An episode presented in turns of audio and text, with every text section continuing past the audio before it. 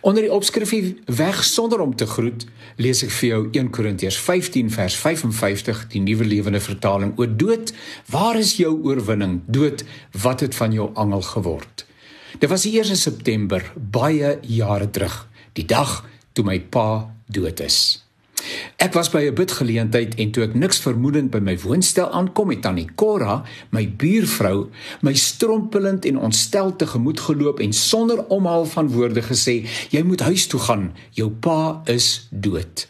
Sy het haar ontstellende koue opmerking dadelik probeer kwalifiseer en ligter maak, maar ek het geweet wat ek weet. Pa is dood en tog het ek gehoop, dalk miskien, dalk net huis toe gejaag en daar aangekom waar ek die res van die gesin in trane aangetref het.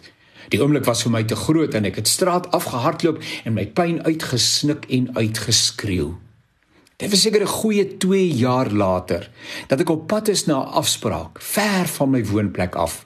Weemoed het skielik op my toegesak en ek het begin verlang na my pa wie se naam ek nie in geselskap kon noem nie en geselskap van wie af ek weggeloop het as sy naam ter sprake gekom het.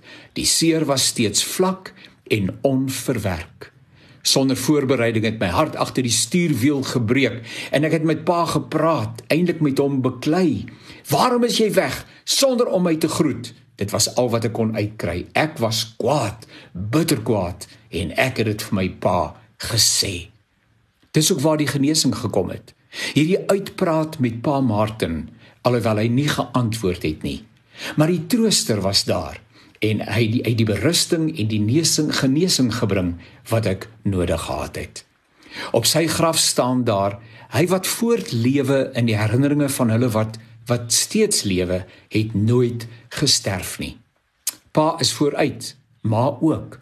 Ouma Esther, oom Chris, tannie Nakkie, oom Daars, ook my broer Tinus en my sus Hetty en ander. Maar hulle leef voort in my gedagtes. Met hulle was afskeid nie so dramaties soos met pa nie. Ek wonder waarom. Maar ons sal mekaar weer sien. Dood, waar is jou oorwinning? Dood, wat het van jou angel geword?